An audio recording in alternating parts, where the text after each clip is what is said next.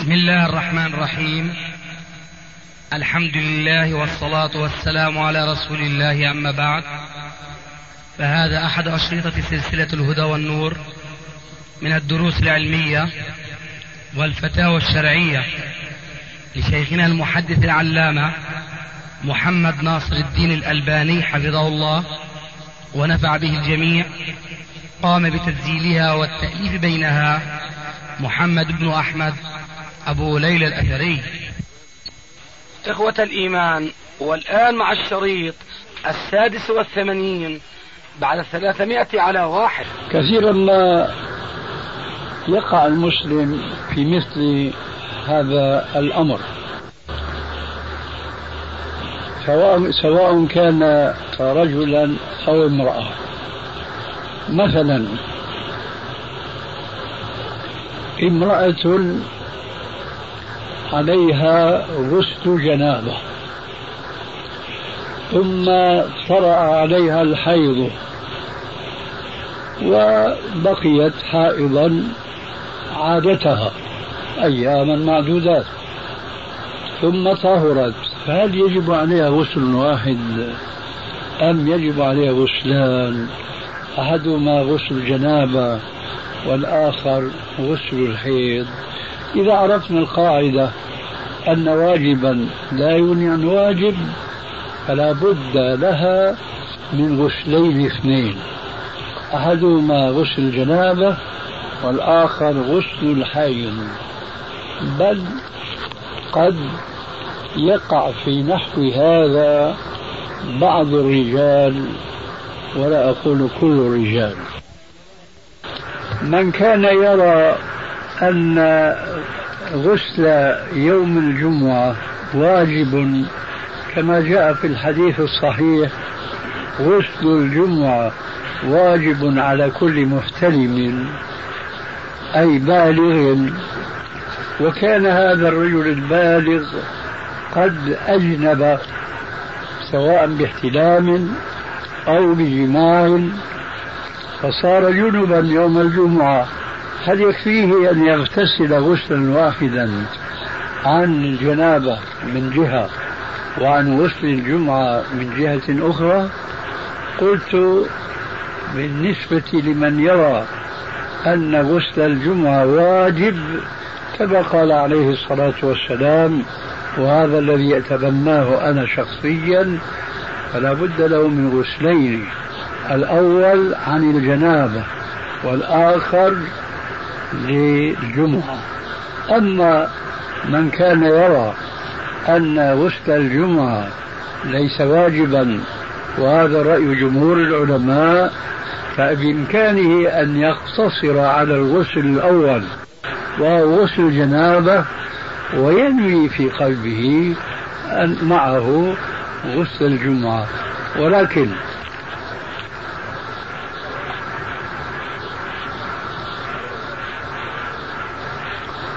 هذا الذي يرى أن غسل الجمعة سنة وليس بواجب. له ثلاثة أحوال. أكملها أن يأتي بغسلين كما قلنا بالنسبة لمن يرى وجوب غسل الجمعة لأنه حينئذ يكتب له أجر غسل الجنابة وأجر غسل الجمعة. ونحن جميعا إن شاء الله نعلم أن النبي صلى الله عليه وآله وسلم قال عن عن الله عز وجل إذا هم عبدي بحسنة فلم يعملها فاكتبوها له حسنة وإذا عملها فاكتبوها له عشر حسنات إلى مئة حسنة إلى سبعمائة إلى أضعاف كثيرة. والله يضاعف لمن يشاء. إلى آخر الحديث. والشاهد هنا إذا هم عبدي بحسنة فلم يعملها فله حسنة. وإذا عملها كتبت له عشر حسنات فصاعدا الآن بالنسبة لمن يرى أن غسل الجمعة سنة وكان جنوبا فهذا له ثلاثة أحوال أو ثلاثة مراتب. المرتبة الأولى أن يغتسل غسلين أما الغسل الأول فلا بد منه. غسل من الجنابة لتصاح الصلاة. أما الغسل الثاني فسنة. لكن إذا اغتسل للجمعة غسلا خاصا كتب له على الأقل عشر حسنات. هذه هي الحالة الأولى وهي العليا ثم تأتي التي تليها. أن يغتسل غسلا واحدا وهو غسل الجنابة وينوي في نفسه أيضا عن غسل الجمعة. هذا يكتب له مقابل هذه النية حسنة واحدة. إذا افترضنا أن غسله للجنابة كتب له على الأقل عشر حسنات وقد سمعتم أنها قد تتضاعف الحسنة إلى سبعمائة إلى أضعاف كثيرة. والله يضاعف لمن يشاء لكن نفترض أن أقل شيء يكتب للمسلم الذي قبلت حسنته وعبادته عشر حسنات فهذا الذي اغتسل غسل الجنابة كتب له عشر حسنات على الأقل.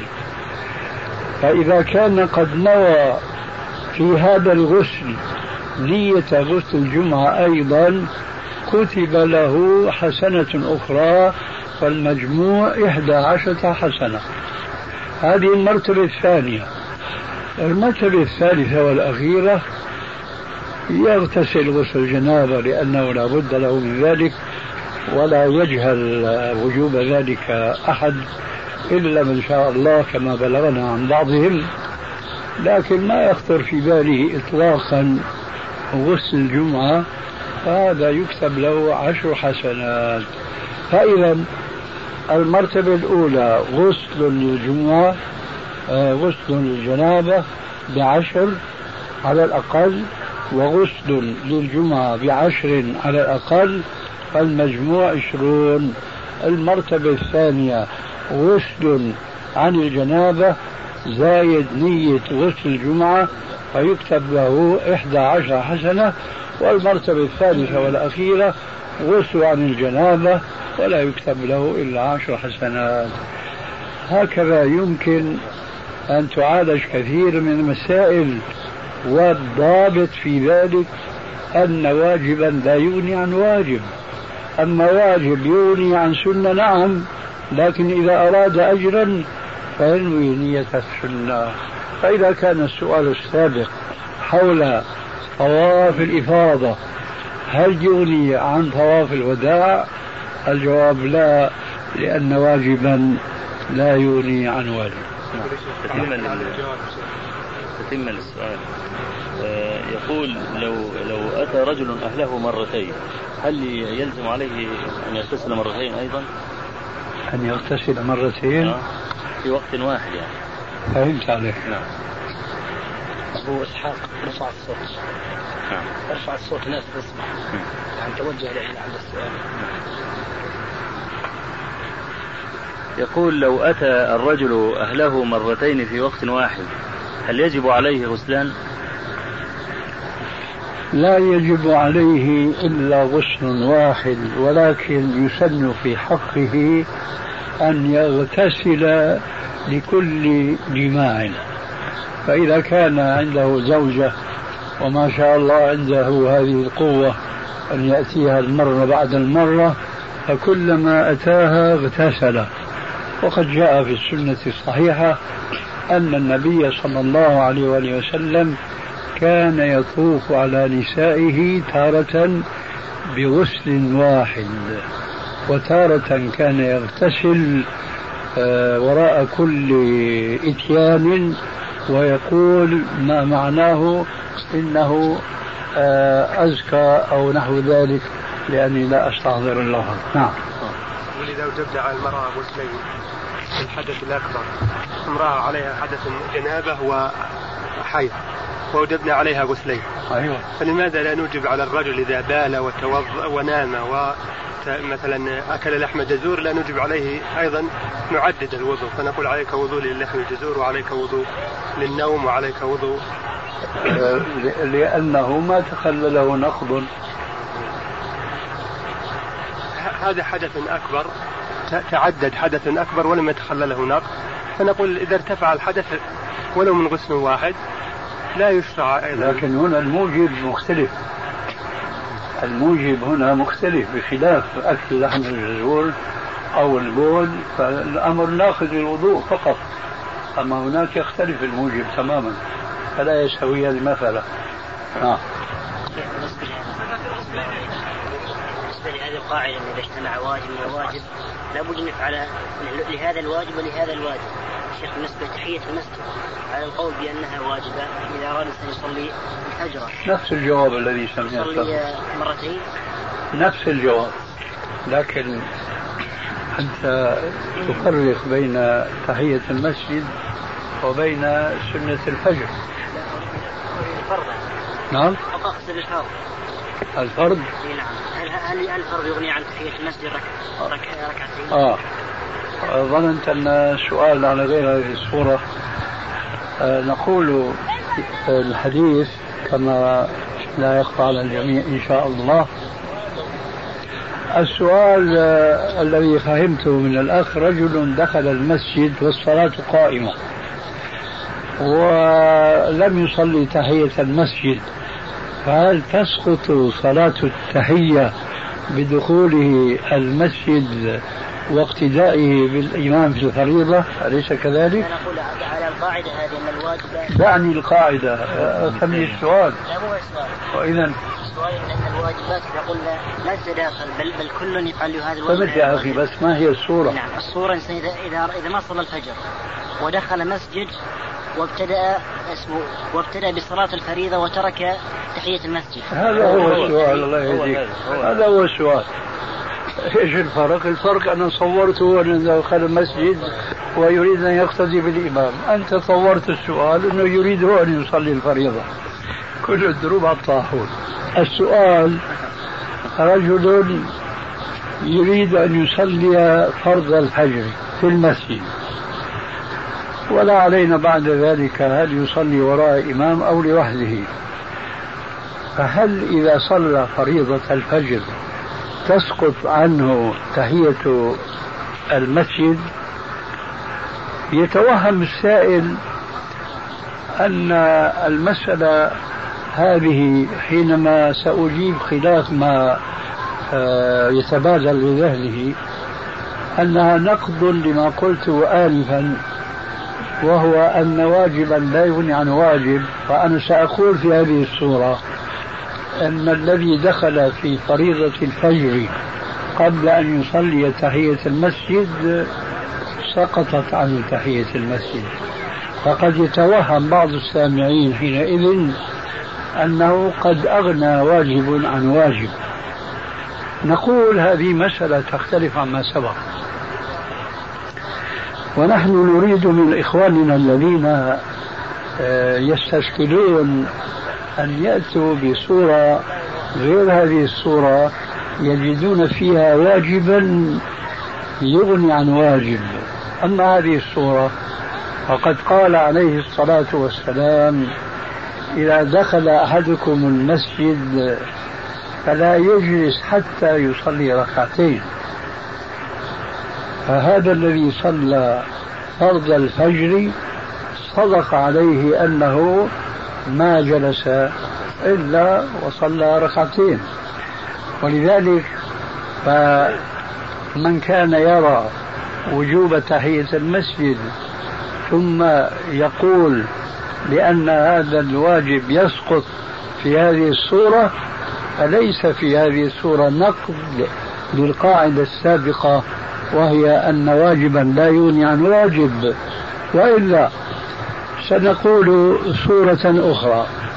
إنسان نذر على نفسه أن يصوم من كل شهر أسبوعا مثلا أو يوما فحل شهر رمضان فنوى في صيامه لذاك لرمضان مع صيام رمضان يوم نذره.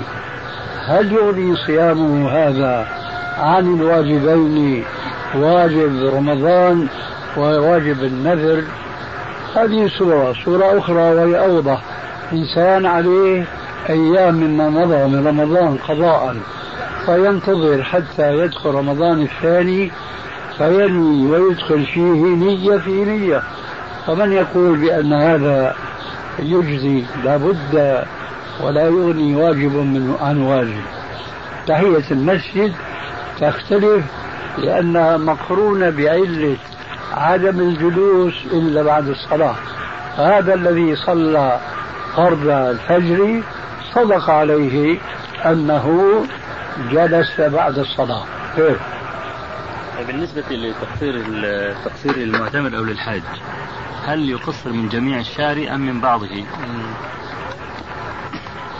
نعم هذا سؤال آه، وجيه جدا وهو أن الحاج والمعتمر مخير عند تحلله بين أن يحلق رأسه وبين أن يقصر شعره. وإن كان العلماء متفقين على أن الحلق أفضل لقوله عليه الصلاة والسلام اللهم اغفر للمحلقين. اللهم اغفر للمحلقين. اللهم اغفر للمحلقين. قالها ثلاثة. قالوا يا رسول الله وللمقصرين؟ قال وللمقصرين. هذا واضح جدا أن الحلق أفضل من التقصير. لكن هل يغني تقصير بعض الشعر أم لا بد من تقصير كل الشعر؟ أقول أما النساء فيغني أما الرجال فلا. إن كان يغني بالنسبة للرجال أن يحلقوا بعض شعر رأسهم وعلق بالمستحيل. إن كان يغني أن يحلق بعضهم بعض شعر رأسه جاز له أن يقص بعض شعر رأسه. أما وحلق بعض شعر الرأس حرام لا يجوز لأنه قزع وقد نهى رسول الله صلى الله عليه وآله وسلم عن القزع. وقال في بعض الأحاديث الصحيحة احلقوه كله أو دعوه كله. وربنا عز وجل ذكر في لتدخلن المسجد الحرام إن شاء الله محلقين رؤوسكم ومقصرين.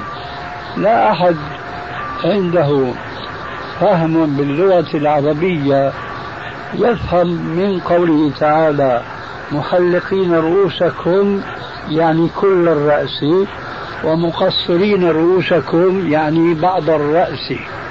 هذا كلام غير منسجم. فإذا كان محلقين رؤوسكم كل الرأس فكذلك مقصرين رؤوسكم أي كل التقصير.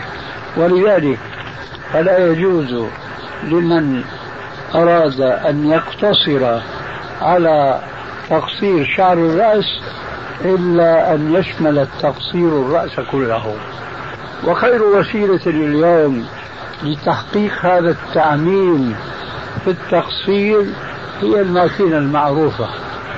ليس المقص فقد يشت بعض الشعرات على المقص. أما الماكينة فتأتي على الشعر كله. ولا بأس أن تكون الماكينة نمرة اثنين ثلاثة اللي هو. فليكن. المهم أن القص يشمل الرأس كله. أما النساء فإنما يأخذن بعض شعورهن ويكفي أن نقولها هنا أنه لا ينبغي للرجال أن يتشبهوا بالنساء فيأخذوا بعض شعورهم وإنما عليهم أن يشملوا الشعر كله بالقص. نعم. يقول أن أنهم أخذوا من جميع الشعر لكن ليس كله لكن من هنا ومن هنا ومن هنا. فهل عليهم شيء؟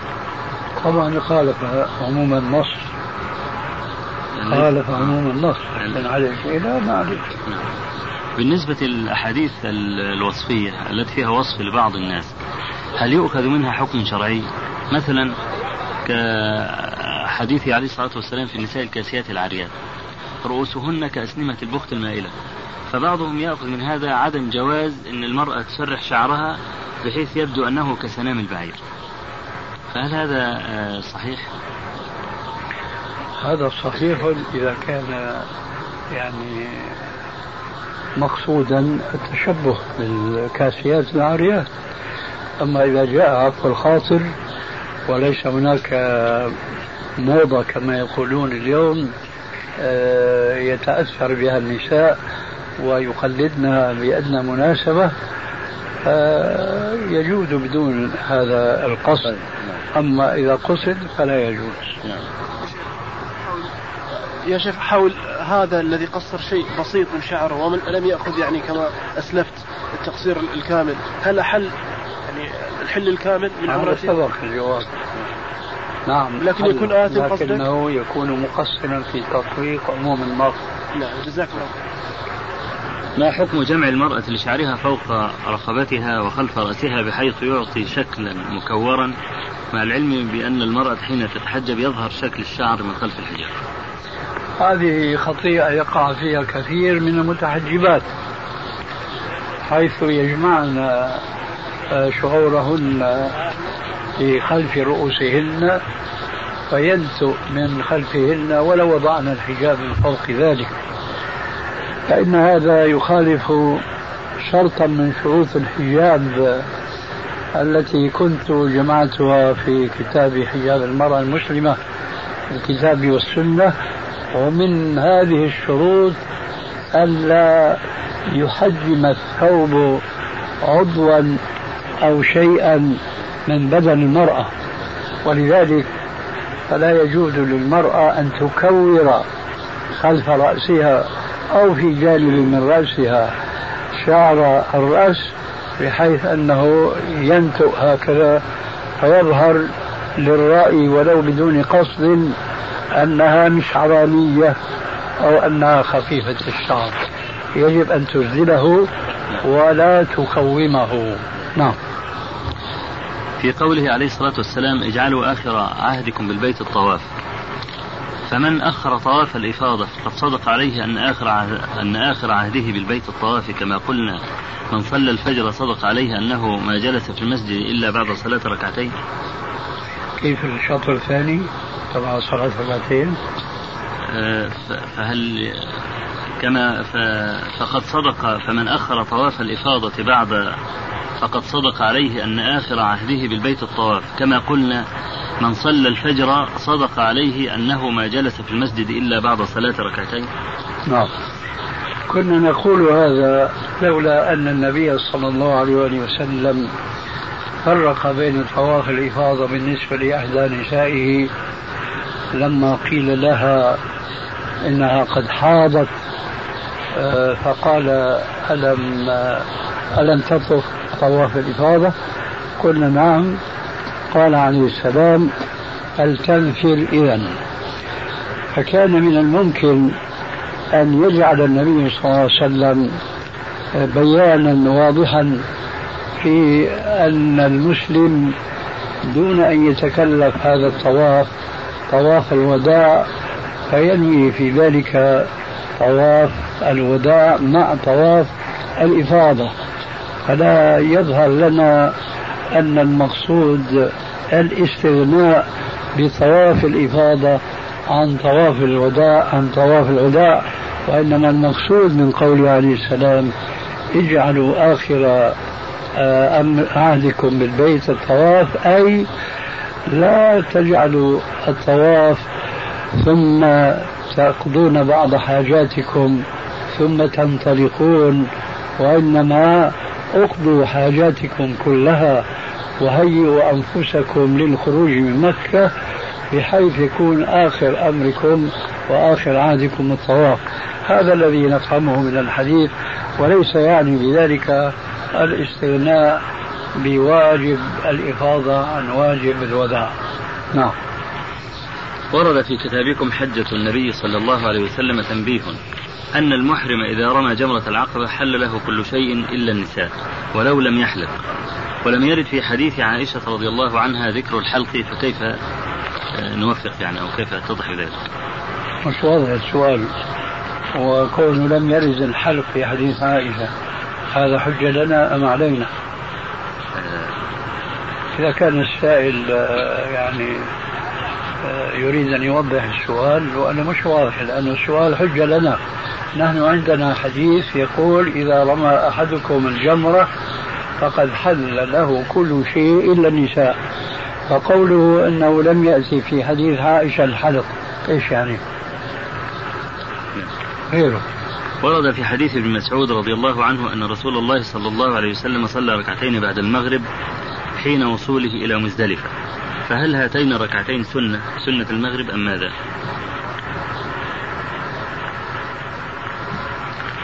كيف؟ ورد أن النبي عليه الصلاة والسلام صلى ركعتين بعد صلاة المغرب حين وصوله إلى مزدلفة. فهل هاتين الركعتين سنة المغرب أم شيء آخر بخلاف سنة المغرب؟ ما أعرف هذا الحديث. من أين هو؟ أعزاه لا. من السائل؟ من السائل؟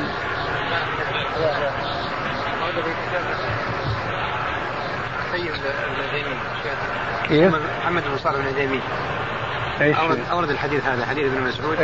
أعزاه لمن؟ ابن مسعود نفسه. ابن مسعود لا لمن من يعني؟ المخرجين من أصحاب البخاري. آه هذا كلام بيني وبينك. إن كان هذا موجودا لأني لست متذكرا. لكني أظن أنه في إسنادي أبو إسحاق السبيعي. فإذا أتيح لنا مراجعة في مكتبة ما نراجع إن شاء الله. أما أنا فلا أذكر مثل هذا الحديث. نعم. سمعنا فتوى لكم تقول عفوا خلينا نستفيد. ماذا قال الشيخ ابن عثيمين بالنسبة لهذا الحديث بعد أن أورده؟ ذكر عبد الله بن مسعود أنها في مزدلفة وصلى المغرب قبل العشاء الآخرة. صلى بعدها ركعتين. ثم آه، تناول العشاء ثم أمر رجلا فأذن واصلى العشاء ركعتين. إيه أقول هذا في البخاري. معليش هذا فهمناه. ماذا بنى على الحديث؟ فقها بنى عليه يقول إذا أتيت مزدلفه قبل العشاء الآخرة فتصلي المغرب وتنتظر حتى يدخل وقت العشاء. الركعتين هذول إيش سماه؟ ذكرها بس في الحديث ما بنى عليها حكم وين الكتاب؟ جيد.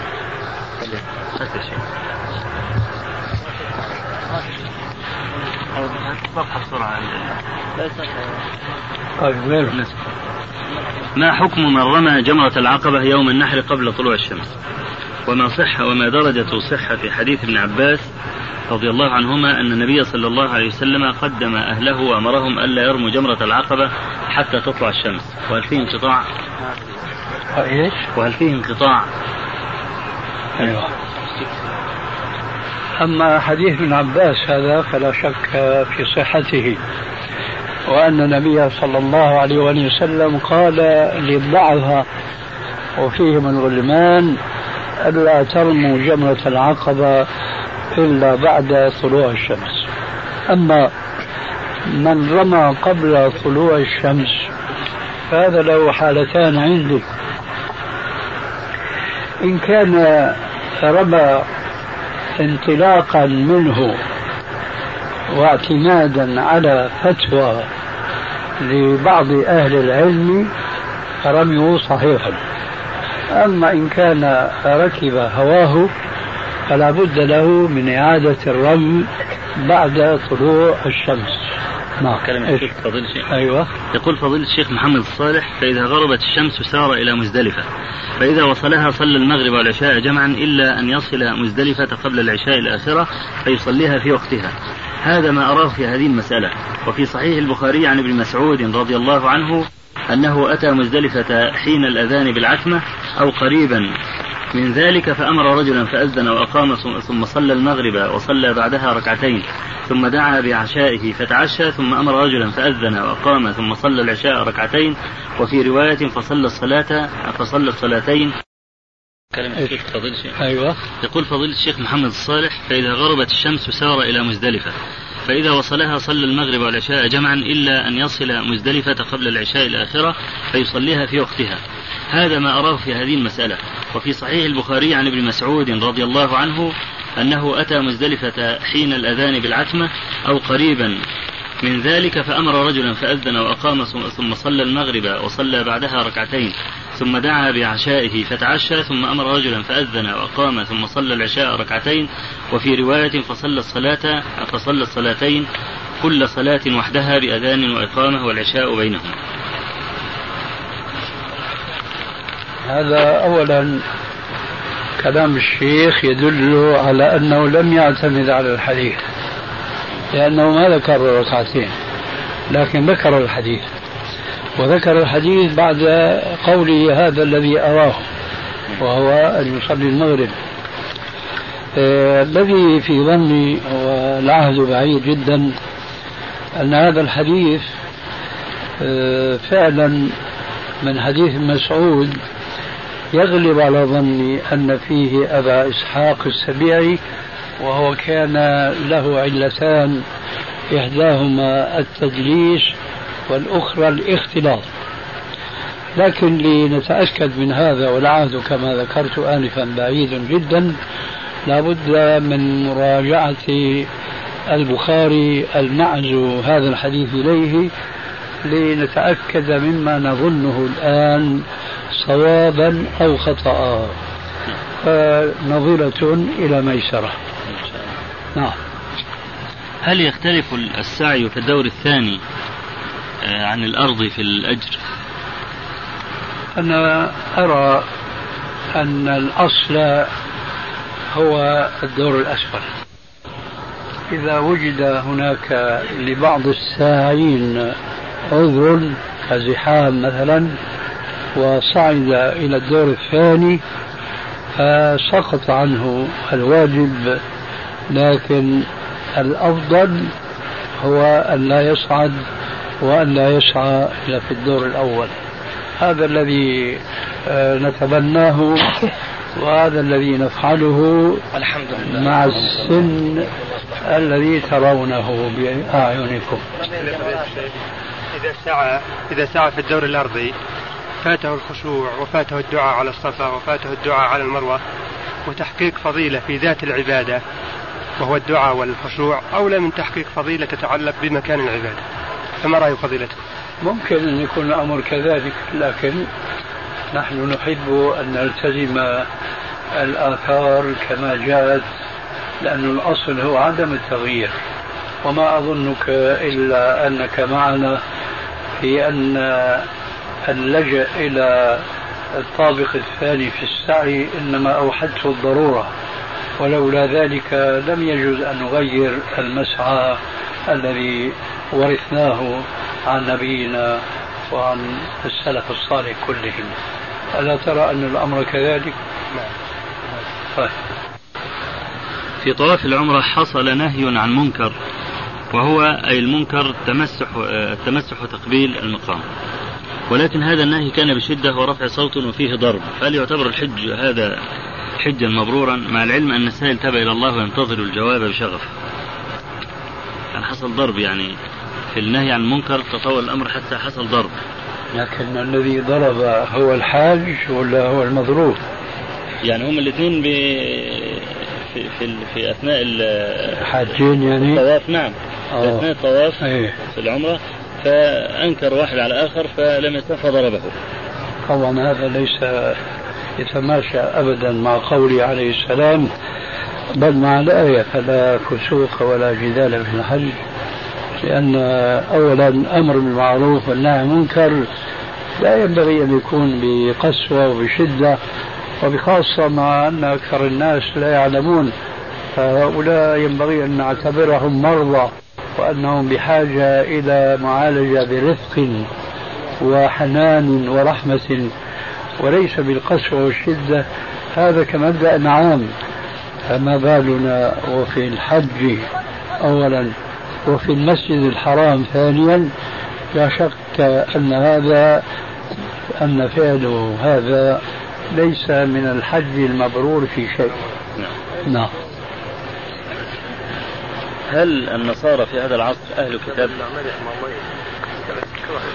هل من شك في ذلك؟ وما الفرق بين نصارى هذا الزمان ونصارى زمن نزول قوله تبارك وتعالى في القرآن لقد كفر الذين قالوا إن الله ثالث ثلاثة فهؤلاء أذناب أولئك. الشيخ أحمد شاكر رحمه الله كان ذكر في تعليقه على عمدة التفسير أن النصارى الموجودين يعني ليسوا من الكتاب في شيء لأنهم تحللوا حتى من الكتاب الذي معهم لا نستطيع أن نطلق هذا الكلام في زعمي وفي رأيي على الأمة النصرانية كلها. أه بلا تشبيه نعلم من مطالعتنا في بعض كتب بعض الأدباء ومن مطالعتنا لبعض المجلات والجرائد أن هناك أفرادا من المسلمين خرجوا عن الدين وارتدوا عن الإسلام بسبب ما يكتبون وما يذيعون وما ينشرون من عقائد يحاربون فيها الإسلام. فهؤلاء بلا شك أفراد نقول إنهم ليسوا مسلمين. كذلك ومن باب أولى يوجد في النصارى ملاحدة وخرجوا عن دين النصرانية بالكلية كان مثلا الشيوعيين في بلاد الروس وأمثالهم. لكن ما نستطيع أن نقول كل النصارى خرجوا عن دينهم ولم يعودوا يؤمنون بالتوراة وبالإنجيل. ما نستطيع أن نطلق هذا الكلام. لكننا نقول من أنكر منهم الإنجيل والتوراة فليس نصرانيا. ولكن هل نستطيع أن ننفي إيمان بعض النصارى على الأقل بالتوراة والإنجيل وأنهم يلتزمون الأحكام الواردة في التوراة والإنجيل ولو فكرا وليس عملا. ولذلك فأنا أعتقد إذا صح النقل عن الشيخ محمد أحمد شاكر رحمه الله أنه فيه توسع غير يعني محمود. نعم, نعم. نحن مجموعة من الشباب حججنا هذا العام وقد يحصل بيننا النقاش بعض النقاش في المسائل ويدور بيننا الجدل فيها فهل هذا يعتبر من الجدال في الحج؟ والله هذا آه، يختلف باختلاف صورة المناقشة والمجادلة وقبل أن أخوض في شيء من التفصيل حول ذلك أريد أن أقول إن الله عز وجل حينما ذكر في الآية السابقة الحج أشهر معلومات فمن فرض فيهن الحج فلا رفث ولا فسوق ولا جدال في الحج. قوله تعالى ولا جدال في الحج لا يعني مطلق الجدل وإنما يعني الجدل بالباطل. لأنه تعالى قارن الجدال بالرفث والفسوق. وهذا بلا شك كل من الرفث والفسوق معصية ومعصية كبيرة في الحج. فلا يعقل أن يكون معنى ولا جدال مطلقا في الحج. أي ولو كان الجدال على طريقة الأدب القرآني ولا تجادلوا أهل الكتاب إلا بالتي هي أحسن. فإذا كان الجدال بالتي هي أحسن وهذا أمر لا بد منه في كل مكان وفي كل زمان لكي يتفاهم المسلمون بعضهم مع بعض.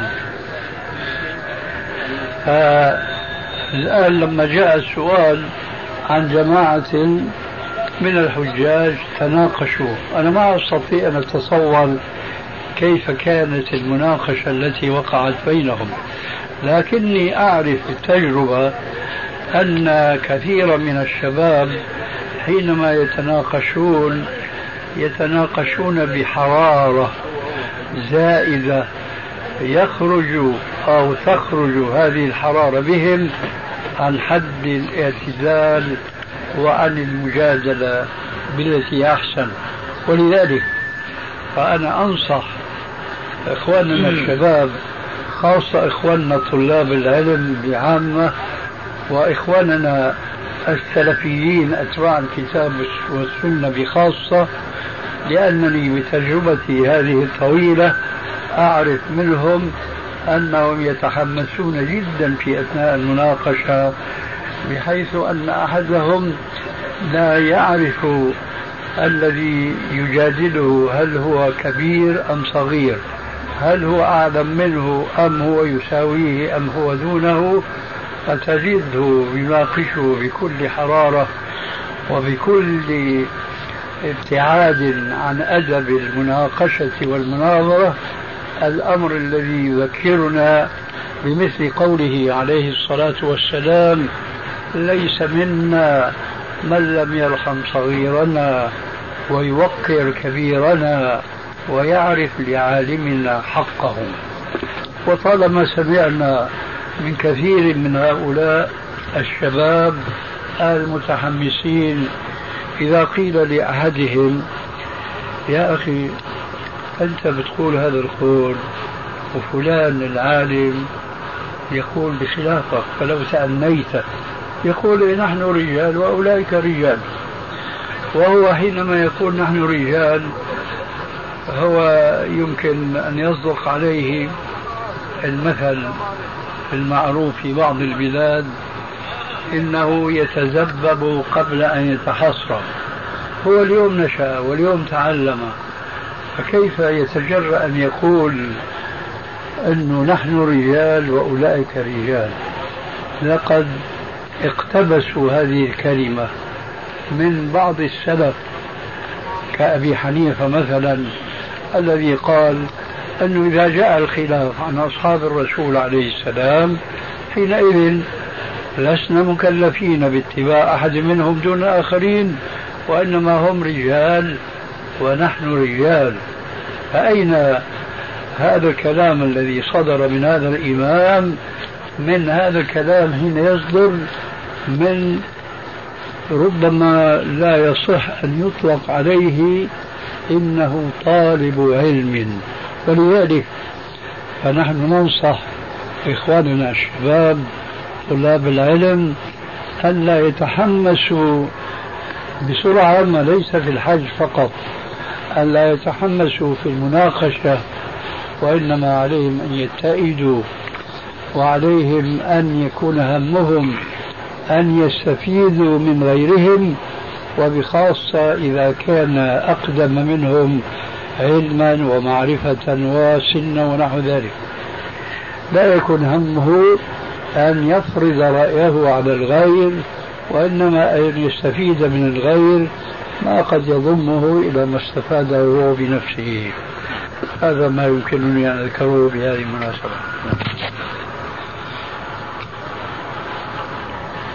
إذا قطعت نبات مكة من مكان الخيمة فما الحكم؟ وهل يفرق بين الناس وغير الناس؟ وما معنى ولا يعضد شوكها؟ يعضد هو ولا يعضد؟ يعضد. آه. يعضد شوكها. نعم. أعد عليه سؤال رجل يعني قطع عن النبات في الخيمة فما حكمه وهل يفرق بين الناس أو غير الناس في الحكم في هذه المسألة؟ أما التفريق بين الناس فمعروف القاعدة في ذلك كما ذكرنا اليوم صباحا آه، أما المسألة الأولى ما وضح لي السؤال يتضح لي الجواب إيش الفرق بين الخيمة وغير الخيمة؟ يعني, يعني يريد التمهيد مثلا؟ لا لا يريد تمهيد لكن هو مثلا جالس في الخيمة فقطع. يعني هذا يبين الحالة الحالة التي قطع فيها. يعني ناسيا لا هذا إن كان ناكل وحكمه أو غير ناكل هذا الذي أريده. نعم. يبني خيمة وفي المكان الخيمة الذي يريد بناءها فيها نبات أو شجر هذا الذي قصدته حينما سألت تمهيدا يعني يقطع هذا النبات تمهيدا لأرض الخيمة. هذا الذي سألت عنه. نعم.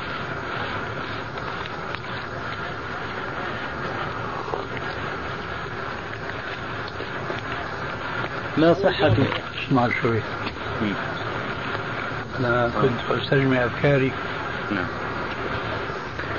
لعله يحضرني شيء. الآن ليس عندي جواب نعم تفضل. ما صحة صلاة النافلة في السيارة وهي تسير.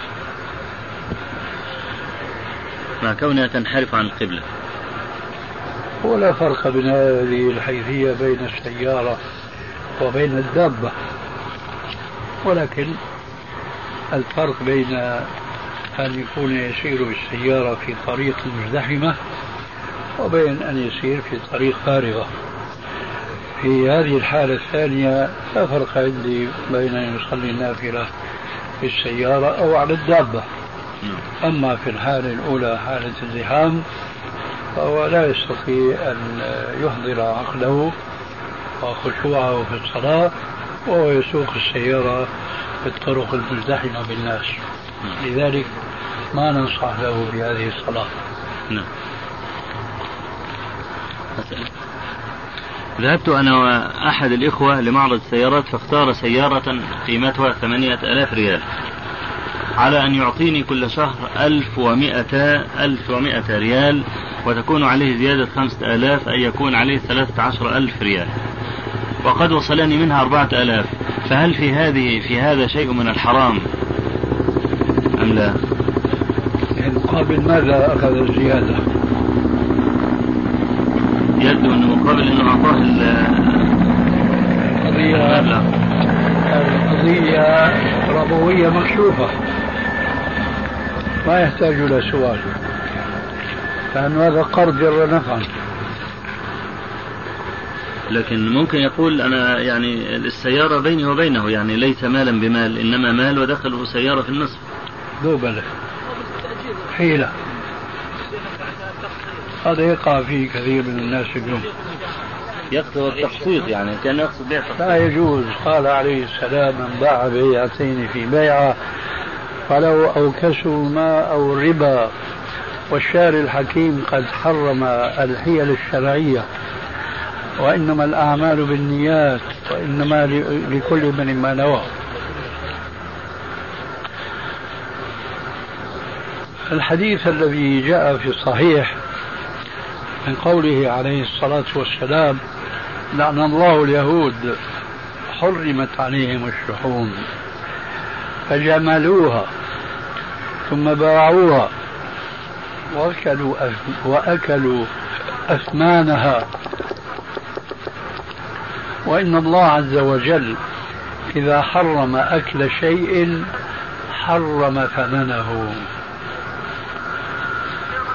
الشاهد من هذا الحديث أن الله عز وجل لما حرم على اليهود كما قال في القرآن الكريم فبظلم من الذين هادوا حرمنا عليهم طيبات أحلت لهم. كان من هذه الطيبات التي حرمت على اليهود الشحوم. فكان الواجب عليهم إذا ذبحوا الذبيحة أن يستفيدوا من لحمها وأن يرموا بشحمها الأرض فلم يصبر اليهود على هذا الحكم الإلهي العادل فماذا فعلوا؟ أخذوا الشحوم فألقوها في القدور ثم أوقدوا النار من تحتها فأخذت شكلا آخر وبذلك زين لهم الشيطان سوء عملهم وأوهمهم أن هذا الشحم صار شيء آخر غير الشحم المحرم. فأخذوا الشحم وجملوه أي ذوبوه وباعوه وأكلوا ثمنه. الشاهد أن الله عز وجل أدبنا بمثل حديث نبيه هذا وأمثاله أنه لا يجوز للمسلم أن يحتال على استحلال ما حرم الله عز وجل بأدنى الحيل. ونكاح التحليل الذي معلوم لدى الحاضرين إن شاء الله هو نكاح توفرت فيه شروط النكاح المشروع عادة. ولكن لماذا جعله الشارع الحكيم نكاحا باطلا؟ ولعن المحلل والمحلل له لأنه لم يقصد به ما يقصد به عادة من الزواج الشرعي الذي أشار إليه ربنا عز وجل في قوله تبارك وتعالى وخلق منها زوجها ليسكن إليها وجعل بينكم وجعل بينكم مودة ورحمة.